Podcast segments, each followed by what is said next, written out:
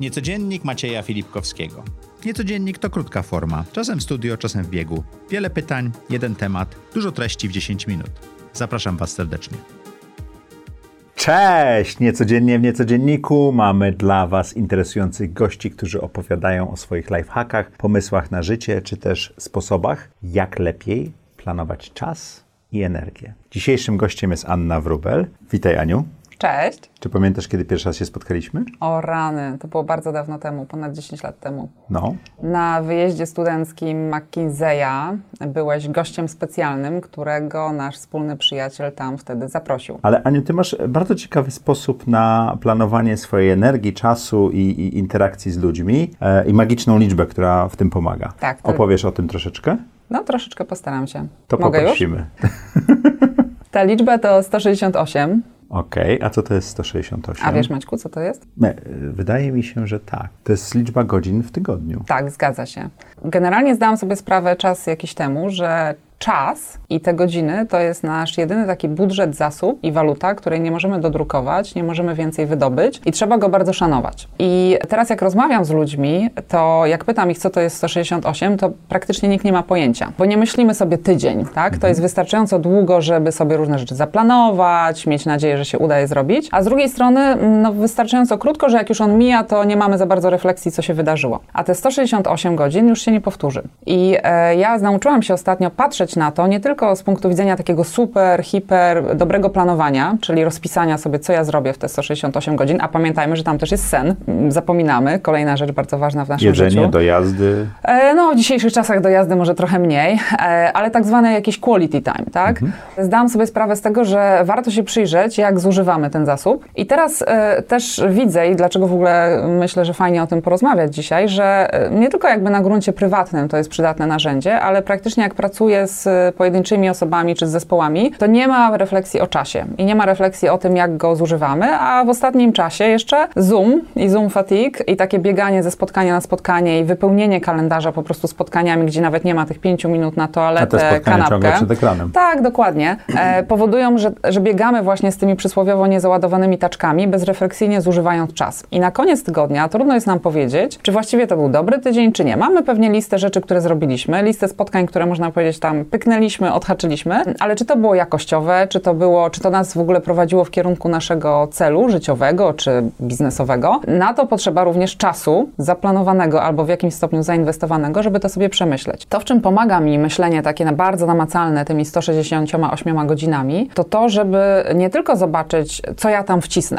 jak i ile obetnę snu, albo jak będę multitaskować, nie wiem, biec gdzieś na bieżni i prowadzić telekonferencję, tylko czy ja osiągnę tam swoją jakąś, jakość życia, którą chcę mieć, czyli czy będę miała spokojny czas na sama ze sobą na pomyślenie, na pracę koncepcyjną, która akurat w mojej pracy jest bardzo istotna i ja w ogóle ją lubię, więc chcę jej mieć e, sporo. Czy będę miała czas dla rodziny, dla, e, nie wiem, na swoje hobby, ale to oznacza również, że będę chciała te moje kalendarz tak zwany biznesowy wypełnić w sposób zgodny z moim rytmem pracy i rytmem pracy na przykład no w moim przypadku moich klientów, firm, z którymi pracuję. E, Czyli to nie będzie takie znowu bezrefleksyjne wypełnienie, tu wrzucę to, tu wrzucę tam, tam jest luka, więc coś wcisnę, tylko umówienie się też z ludźmi, kiedy jest najlepszy czas na e, coś, co będziemy razem robić. A czemu patrzysz na tydzień, czyli te 168 godzin, a nie na 24 godziny, 720 czy 744 godziny, które mamy w, Mhm. w miesiącu? E, Wiesz co, jakiś czas temu e, zaczęłam się zastanawiać, gdzie oceniam właśnie jakość swojego życia, w jakim horyzoncie. I paradoksalnie ja tą jakość oceniam mniej więcej kwartałami. To jeszcze taki stary nawyk z czasów konsultingu, gdzie projekty trwały mniej więcej kwartał i człowiek mógł powiedzieć po kwartale, czy to był fajny kwartał, niefajny, czy się właśnie ciężko pracowało, czy się odpoczywało, czy poznało się fajnych ludzi. Ale ten kwartał, jeżeli patrzę na niego tylko z punktu widzenia miesięcy, to to są takie bardzo duże kawałki, które e, jeżeli już jeden miesiąc gdzieś tam na coś zaplanuje, to potem trudno jest e, coś odkręcić czy zbilansować, a tydzień jest bardzo brutalną jednostką czasu. E, Dlaczego brutalną? Dlatego, że z jednej strony mamy w tygodniu tendencję, żeby sobie bardzo optymistycznie różne rzeczy założyć, odłożyć Okej. gdzieś tam na początku tygodnia. Prokrastynujemy, przynajmniej ja tak robię. I e, potem na koniec tygodnia mam smutny rachunek sumienia, jakby co się udało, co się nie udało i co w związku z tym, e, czy wchodzę na przykład w sobotę, w niedzielę jako człowiek szczęśliwy, czy spokojny, czy na przykład umiejący sobie powiedzieć, dobra, zrobiłam pięć rzeczy z dziesięciu, ale to było te pięć rzeczy, które dla mnie stanowią o mojej szczęśliwości, motywacji do pracy, życia e, i jakby jakości też relacji z ludźmi. Bo te 168 godzin, które nie, można sobie wrzucić w Excela po prostu i rozrysować, ja tak robię, wymaga jeszcze jednej ważnej rzeczy. Powiedzenia sobie, do czego dążymy. E, Ja jestem kobietą, mamą, partnerką, e, profesjonalistką, szaloną pod kątem niektórych jakichś rzeczy, które robię ro- z wolnym czasem i mogłabym dążyć do takiej hiperorganizacji i powiedzieć teraz ciach, ciach, ciach, ciach, ciach, po prostu zrobię wszystko. I miałam takie miesiące, lata, kiedy rzeczywiście biegłam 30 minut na siłownię, żeby sobie powiedzieć na koniec dnia, że zrobiłam coś dla siebie i ćwiczyłam, ale ja A na to o koniec... to chodzi? Nie, właśnie nie o to chodzi. E, Potem doszłam do wniosku, że chodzi mi o to, żeby również mieć oddech pomiędzy, żeby mieć e, fokus, żeby mieć e, no, w modnych dzisiejszych czasach uważność na to, co robię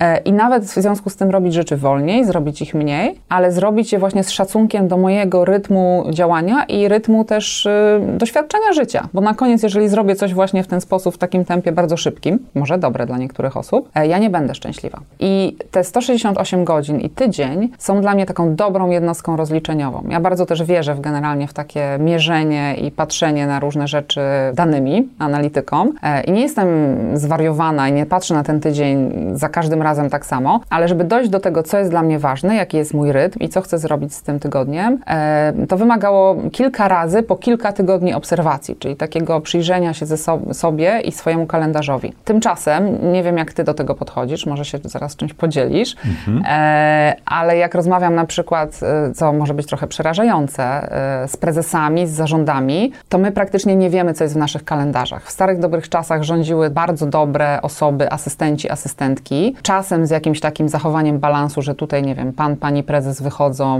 na, nie wiem, na spotkanie z dziećmi, na lunch, na randkę z żoną albo z mężem, e, a w dzisiejszych czasach często są to już funkcje, które oddajemy algorytmom, osobom gdzieś bardzo odległym od nas i robimy to dosyć bezrefleksyjnie i praktycznie... Ale wtedy ktoś rządzi nami. Tak, dokładnie. Albo wiele A, osób. Masa, tak, jakby trochę bezwład mam wrażenie. I to jest dla mnie, powiem Wam, trochę przerażające, że jak przed dzisiejszym spotkaniem myślałam sobie, na ilu z moich projektów nie dotyczących zarządzania czasu e, mamy rozmowę o tym właśnie, czy dobrze planujemy, czy mamy priorytetyzację, czy w ogóle wiemy właśnie, na co zużywamy czas, to zdałam sobie sprawę z tego, że każda osoba, z którą pracuję, każdy zespół, z którym pracuję, ma z tym problem. I jeżeli z punktu widzenia takiego zarządzania organizacji pracy patrzą na, na to, czym się zajmują, to to jest w top 3 priorytecie do zmiany, czyli robić to bardziej refleksyjnie. A kiedy planujesz swoje 168 godzin? To jest tydzień przed, Mhm. w poniedziałek? Z, z, jakim wyprzedzeniem na to patrzysz? Przede wszystkim planuję to, jak dokonuję jakiejś większej zmiany w moim życiu. Okej? Czyli ostatnio robiłam to na przykład w święta, kiedy wiedziałam, że kończę kilka intensywnych projektów. Wiedziałam też, że poprzedni kwartał nie był dla mnie super taki satysfakcjonujący właśnie jeśli chodzi o balans. Za dużo rzeczy dla siebie wzięłam. I w związku z tym chciałam, żeby pierwszy kwartał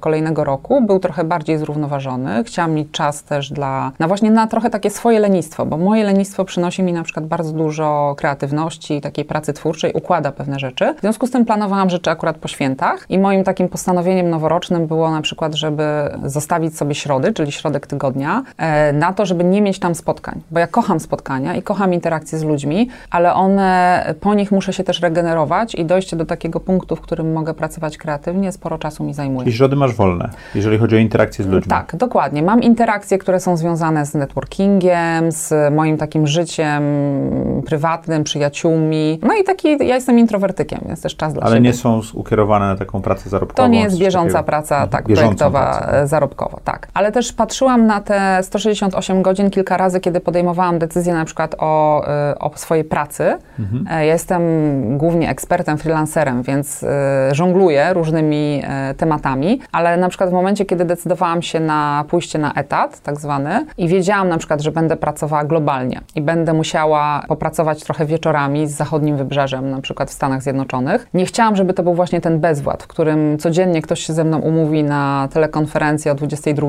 i na koniec ja będę chodziła zestresowana codziennie i będę miała 14-godzinne czy jeszcze dłuższe dni pracy. W związku z tym wtedy po prostu usiadłam i powiedziałam sobie, dobrze, dwa wieczory przeznaczę na to, ale dzięki temu też od, odzyskuję świadomie godziny w trakcie dnia. Później zaczynam dzień pracy, robię sobie przerwę po południu, spędzam wieczór z dziećmi. No właśnie, Maćku, zapytałam Cię gdzieś e, w międzyczasie o to, jak Ty podchodzisz do planowania swojego czasu, czy też patrzysz na tygodnie, na miesiące, kwartały, albo ewentualnie jakie są Twoje lifehacki co do tych 168 godzin.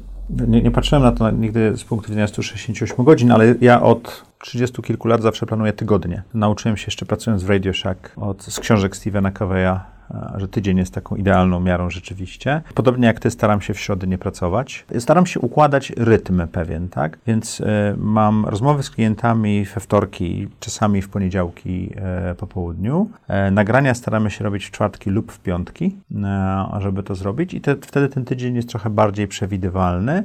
mam spotkania z przyjaciółmi i z dziećmi w soboty i, i niedziele takie są, wiesz, spokojne w domu. Więc tak to działa, a poniedziałek jest taki, z uwagi na to, że większość klientów jest bardzo zajęta w poniedziałki, więc ja mam taki najspokojniejszy dzień, kiedy mogę porozmawiać z zespołem, przygotować się do tego tygodnia, zastanowić się, co jeszcze zmienić. I to by było chyba w ten sposób. Używam kalendarza który jest bardzo kolorowy, bo te kolory mhm. pomogą mi też zrozumieć y, moją energię, bo ja bardziej planuję energię niż czas. Mhm. Zdarza mi się przegiąć, tak jak wczoraj do 22.30 prowadziłem masterminda i, i, i, potem jestem wypruty, a mieliśmy bardzo długie nagranie e, z gościem w audycji, więc zdarza mi się mieć dni, kiedy źle zaplanuję swoją energię, czy też y, zbyt optymistycznie spojrzę na ten dzień, ale generalnie staram się planować energię mhm. i te kolory pomagają mi zrozumieć, czy ta energia jest dodawana na tym spotkaniu, czy ujmowana na tym spotkaniu? Ktoś kiedyś mnie też nauczył, że ta godzina godzinie nierówna i możemy godzinę zużyć na coś, już abstrahuję od snu, bo to jest bardzo ważne akurat w moim życiu,